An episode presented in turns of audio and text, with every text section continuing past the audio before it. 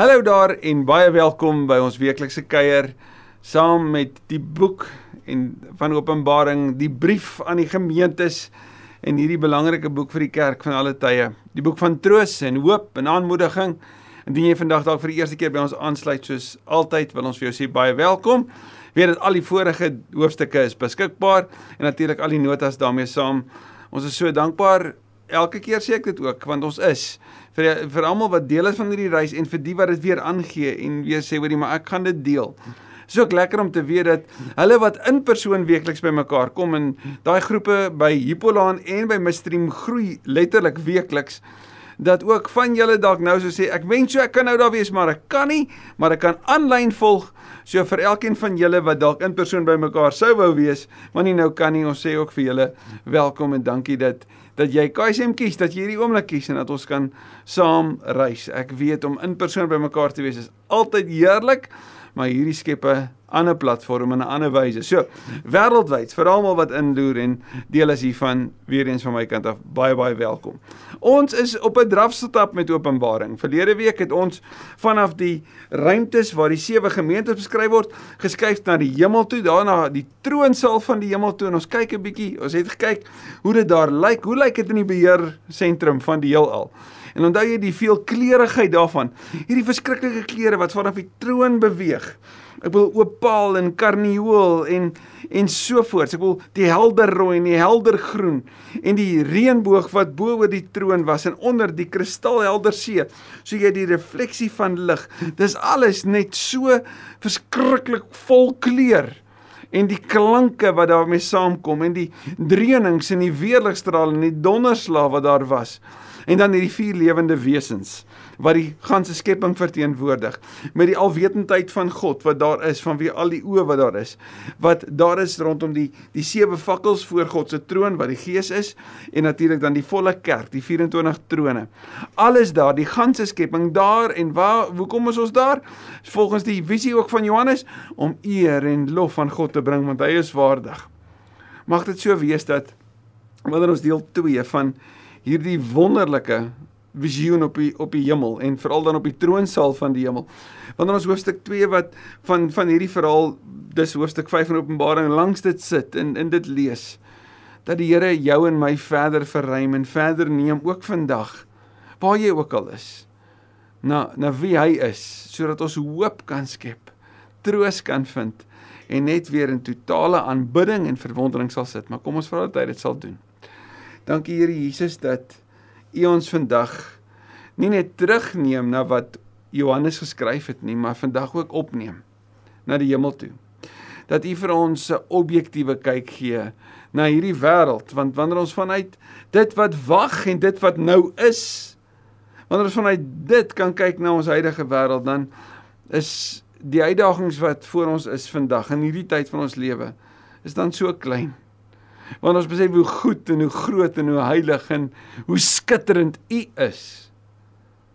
Dan verstaan ons 'n ander manier van van kyk en en beleef ons 'n ander manier van kyk na ons eie lewe en ons eie situasie. Dan verstaan ons iets van objektiewe werklikheid in ons subjektiewe wêreld. Ons eer U en ons loof U vir die voorreg om U te mag ken vir die wonderlike voorreg om deur U geken te word en dat U ook nou aan U woord sal wees in Jesus se naam. Amen. Openbaring 5. Die opskrif hier in ons notas: Die lam is waardig om die boek oop te maak. En weer eens net onthou hierdie gaan saam met 'n hengse klomp notas. So ons kan nie al die notas na verwys of na kyk nie, maar moenie daarop uitmis nie. In die regterhand van hom wat op die troon sit, het ek 'n boekrol gesien wat aan die voor en agterkant volgeskrywe was en wat met sewe seels goed verseël was. Die troon, weer eens dit sluit aan by hoofstuk 4, is waarskynlik waar die Vader sit. In sy regterhand is die posisie van gesag, was daar 'n boekrol. Nou in die tyd van die Bybel was die boekrolle gemaak uit papirus. Papirus was so 3000 jaar oud gewees of wat is. Dit kom uit die tyd van die Egiptenare en daai papirusrol is opgerol gewees en en het aan die aan die beginkant het jy die inleiding gehad, die inhoudsopgawe en daarna aan beide kante is die die inhoud van wat in die inhoudsopgawe bekend was beskryf. En dan is dit verseël gewees sodat daar geen vervalsing kon wees nie. Nou het ons 'n boekrol met sewe seels. So hy sewe keer en dit is klei gewees wat met die afdruk van die koning se stempel verseël is om seker te maak die seels is nie gebreek nie. Maar die sewe seels gaan ons nou sien word soos wat elke seël oopgebreek gaan word, word die openbaring van God al hoe duideliker. Word die raadsplan van God, dit wat gaan gebeur, sy aankondiging al hoe duideliker.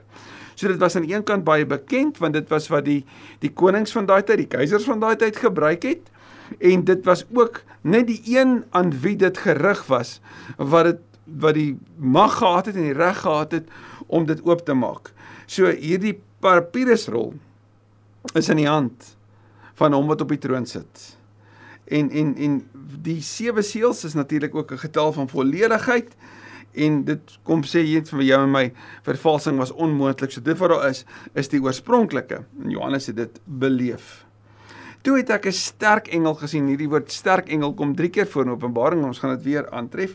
Wat met 'n harde stem uitroep. So hier is 'n aankondiging. amper soos 'n soldaat van ouds wat langs die troon sou staan 'n end weg en dan namens, verstaan, vir almal hier in die troonsaal iets sou aankondig namens die koning of net hierdie vraag te vra, 'n amptelike vraag. So, wat sê hierdie engel? Wie is waardig om die boek oop te maak, deur die seels daarvan te breek? Nou hierdie vraag, wie is waardig, gaan nou beantwoord word. Want hy sê wie kan dit doen? Wie is in staat? En dan kom die antwoord, maar niemand in die hemel of op die aarde of onder die aarde was in staat om die boek oop te maak en daarin te kyk nie. Nou in die tyd van die Bybel was daar 'n drie laag heelal gewees. Dit was die aarde wat op 'n plat vlak was. Onder die aarde was die doderyk of die die duisternis as dit ware. En bo die aarde was die oop gewelf gewees. En hierdie gewelf was natuurlik waar God was. So hierdie drie laag heelal word beskryf en daar word gesê daar's niemand wat waardig is nie. Niemand het die mag nie, niemand het die gesag nie. Niemand kan hierdie doen nie. Nou kan jy jouself indink vir Johannes. Hy hoor hierdie aankondiging. Hy het die verwagting om om God se aankondiging te hoor. Dit gaan gelees word. Maar nou hoor hy dit gaan gesluit bly. En dan sien Johannes antwoord en en jy hoor iets van die emosie daarin. Nou weet ons Johannes en sy boetie was mos die Boanerges gewees. Die seuns van die Donrein Jakobus. Hulle was manne vol emosie gewees. Maar Johannes het later geleer dat hy die geliefde disipel is. Johannes se hart het gebreek want want Jesus het hom sag gemaak en hier hier breek sy hart vir hierdie realiteit. Daar staan ek het baie gehuil. Want wat hoor hy? Daar is niemand wat God se plan kan onthul nie. Omdat daar niemand gekry is wat waardig is om die boek oop te maak en daarin te kyk nie. Niemand op die aarde nie, niemand onder die aarde nie, selfs nie die engele in die hemel nie. Toe sê een van die ouderlinge vir my nou, die ouderlinge, hulle wat op die trone sit, wat die ganse kerk verteenwoordig, hulle wat weet wat wag, hulle wat weet wat kom. Hy kondig aan sodat Johannes kan beleef hier kom die boodskap. Een van die engele ouderlinge sê: Moenie huil nie. Kyk, die leeu oor die stam van Juda, die afstammeling van Dawid, het die oorwinning behaal en kan die boek met die sewe seels oopmaak. Wie kan dit doen? Een persoon. Die leeu uit die stam van Juda. Nou as jy in Job 10, Jesaja 31, Jeremia 50 en Hosea 5 gaan lees, gaan jy hoor hoe die leeu uit Juda hierdie verlosser wat sou kom, hierdie Messias, hierdie heerser wat sou kom. So Juda was die die plek, nê, nee, dit was die die plek waar die van die stad van Dawid ook gewees. Waar hy Dawid gekom, hierdie stam van Juda. Die leeu, die vors, die een wat sou kom, die heerser. So die leeu oor die stam van Juda. 'n Afstammeling van Dawid, dit gaan jy lees in Micha 5 wanneer die af die aankondiging kom van die Messias wat sou kom. Hy kom uit die stam van Dawid. So Micha 5 het dit reeds voorspel. Hy het die oorwinning behaal hierdie oorwinning, natuurlik die oorwinning oor die doderyk, die oorwinning soos wat 'n 'n vors die die die vyand sou oorwin en en en hierdie hierdie leeu is die oorwinnaar. Kolossense 2 praat daarvan dat Jesus met sy triambos, sy triomftog stap en die dood is oorwin, dit is verby. Nou wie wat kan hierdie leeu doen? Hy is in staat, die leeu uit die stam van Juda. Dis die beskrywing van die Messias. Hy is waardig en net hy alleen om die boek met die sewe seels oop te maak. Hy kan dit doen. Toe het ek voor die troon wat omring was deur die vier lewende wesens onthou jy hoofstuk 4 hierdie ganse skepping wat dit verteenwoordig met hierdie alwetende oë. Het ek die tussen die troon en die ouderlinge 'n lam sien staan. Skokkend. Skokkend om te hoor dat dat hierdie leeu is toe 'n lam. En hoor beskryf Johannes hom. Ek bedoel in hierdie troonbestyging soos wat dit was in die in die tyd van die keisers, wanneer die keisers sou opgaan, hoor ons hy wat daar staan, hy wat waardig is, hy's 'n leeu. Maar wanneer ek hom sien, dan sien ek 'n lam. En wat sê Johannes wat het hy kom doen? Hy's die een wat geslag was.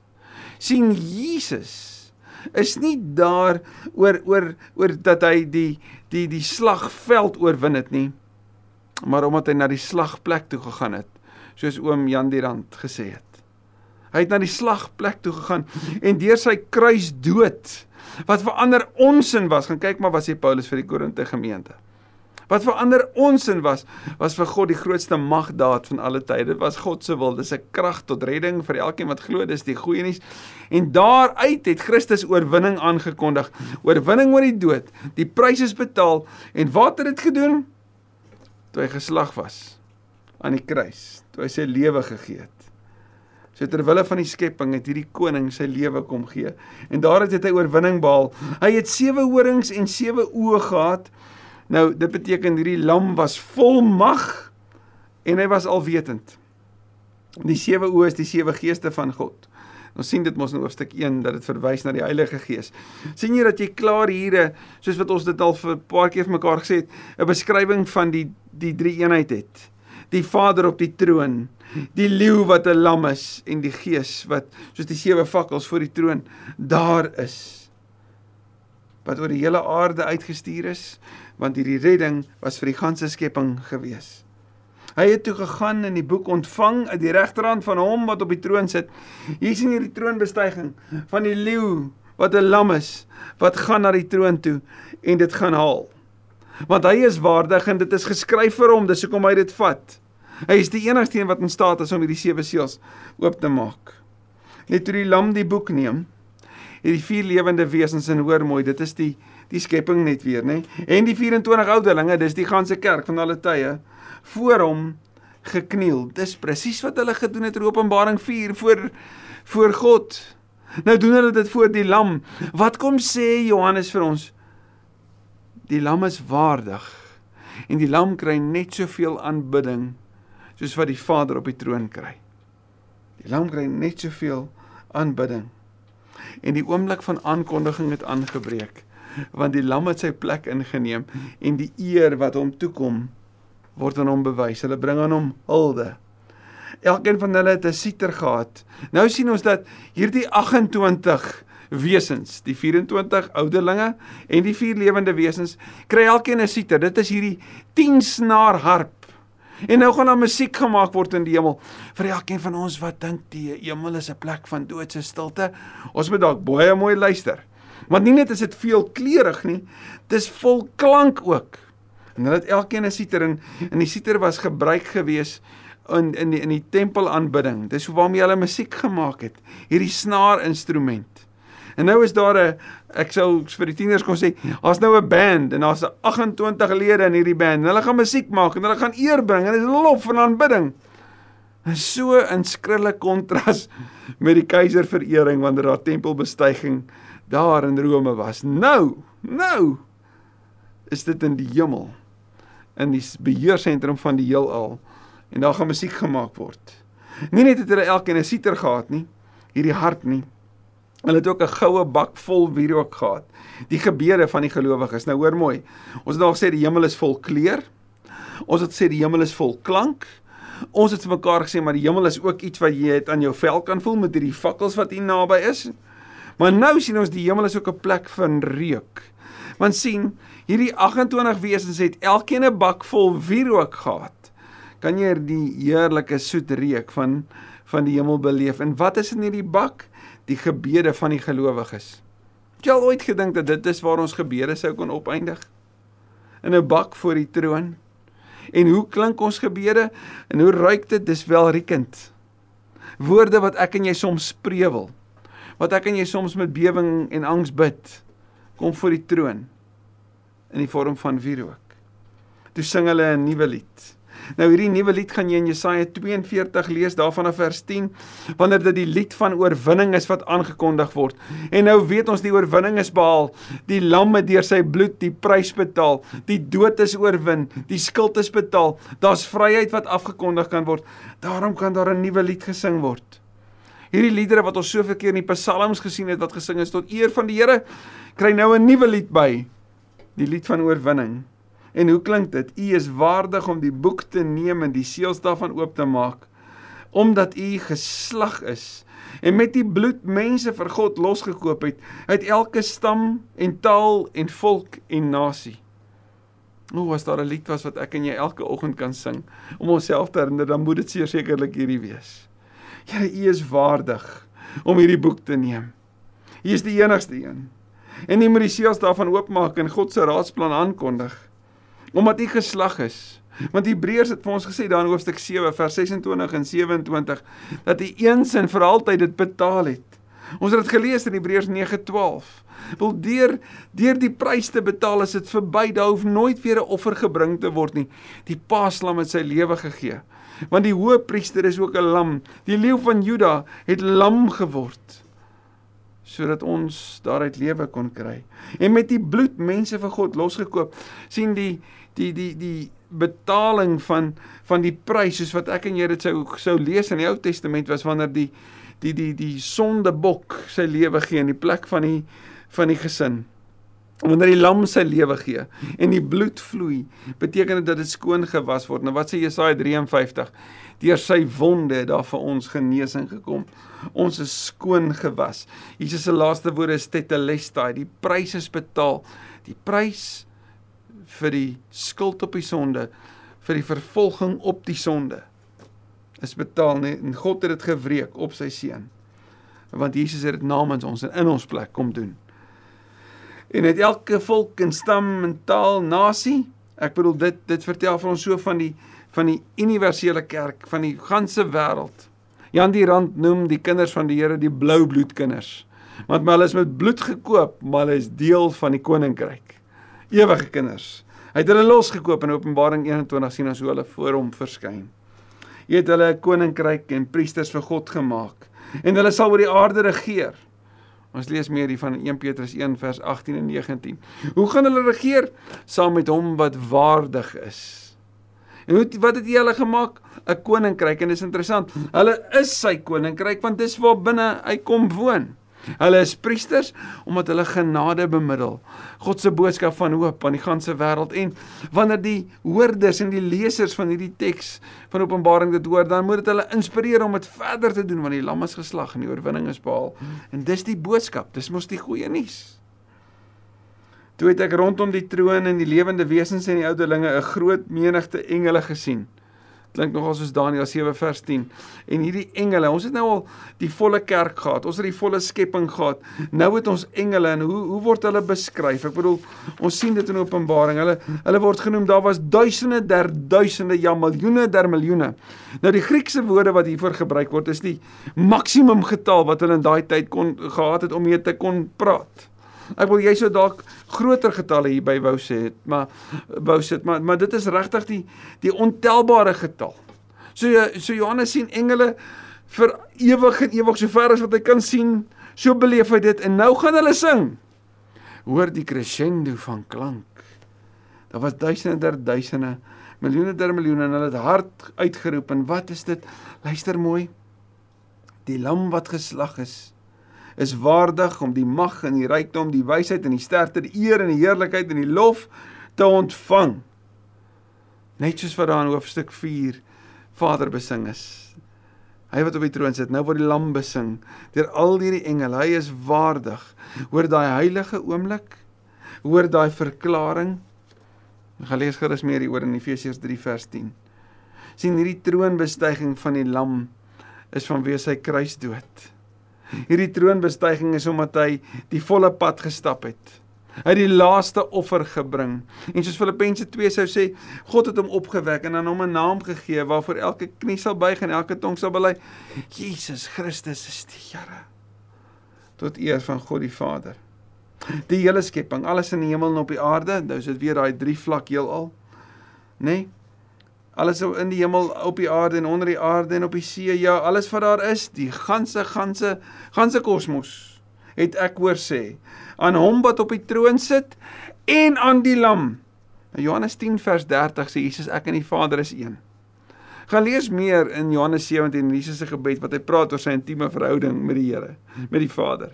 En hoe hy dit met ons kom deel. Trouwens Johannes 17:3 sê die ewige lewe is om God te ken, die Vader te ken en Jesus Christus wat deur hom gestuur is. So die ewige lewe is 'n verhouding. Hy sê aan hom wat op die troon sit en aan die lam behoort die lof en die eer, die heerlikheid en die krag tot in alle ewigheid. Daaroor skryf Warren Wiersbe eh, en en hy haal Efesiërs 1 vers 22 en 23 aan en hy skryf the throne rules the lamb reigns as a result believers need not fear in times of tribulation persecution and anguish die troon is vas en God is daarop. Dit maak dit standvastig en vir ewig. Die lam heers, hy die dood oorwin en as dit die objektiewe realiteit is, dan maak dit die subjektiewe ervaring, hierdie subjektiewe wêreld so relatief en so kort en daarom kan 'n mens vasbyt want jy gaan vir altyd by God wees omdat Jesus dit moontlik gemaak het. Dit verander die lens waarmee jy na jou lewe kyk. Dit verander dalk hierdie oomblik wat vir jou op hierdie oomblik ondraaglik voel, dalk verskriklik lank voel. Maar as jy dit in die lig van die ewigheid sien, is dit so. Dis vlietend en dan is dit verby. Uiteindelik vers 14, die vier lewende wesens het gesê: Amen. En die ouderlinge het gekniel en God aanbid. So weer eens die ganse skepping en die ganse kerk kniel en nou word daar gesê en God aanbid en dit verwys natuurlik na die volledige drie eenheid Vader, Seun en Heilige Gees. En dit is so anders as wat Johannes beleef. Op Patmos stoks hy alleen, eenkant in absolute afsondering, sy volledige lockdown, word hy geneem in hierdie visioen. Hy word in 'n troonsaal ingebring. Hy hoor 'n massa massa mense sing en loof en prys. Hy hoor musiek, hy sien kleure, hy reuk die wierook, hy beleef die fakkels, hy ervaar die klank van die massas en die heiligheid van die oomblik. En wat sê dit vir hom? Gaan sê vir die mense hulle moet vasbyt. Hulle moenie opgee nie. Want dit kom. Hy wat dit alles getuig sê ja, kom gou. Amen. Kom Here Jesus. Dankie Here dat Openbaring 5 weer eens hoop en troos bring. Dankie dat ons by U kan hoor vandag dat die leeu die lam is. Dat wanneer U naby ons kom, dan hoor ons die woorde van Matteus 11. U is sagmoedig en nederig van hart. Dankie dat ons daai hart sien in aan die kruis van Golgotha maar dat ons vandag kan weet die kruis is leeg en die graf is leeg. Die oorwinning is aangekondig want Jesus Jesus heers. Hier die troon bestyg hier die boekrol in die hand. Wanneer ons hierdie aankondigings nou hoor, die seels wat oopgebreek word, die groeiende openbaring van wat gaan gebeur, mag ons nooit vergeet wat se troos, wat se voorreg het hoofstuk 4 en 5 ons nie gebied nie. Wat se ervaring sensories ook kon ons nie hê in hierdie tyd om na te dink oor hoe mooi en groot en goed en heilig en skitterend die hemel reg is nie. Mag dit ons vandag ook waar ook al ons is op ons reis kom bemoedig, kom ontmoet. Ek bid dit in die naam van Jesus ons Here. Amen. Amen. Ek hoop so jy het 'n besondere week volg die lam wat die leeu van Juda is.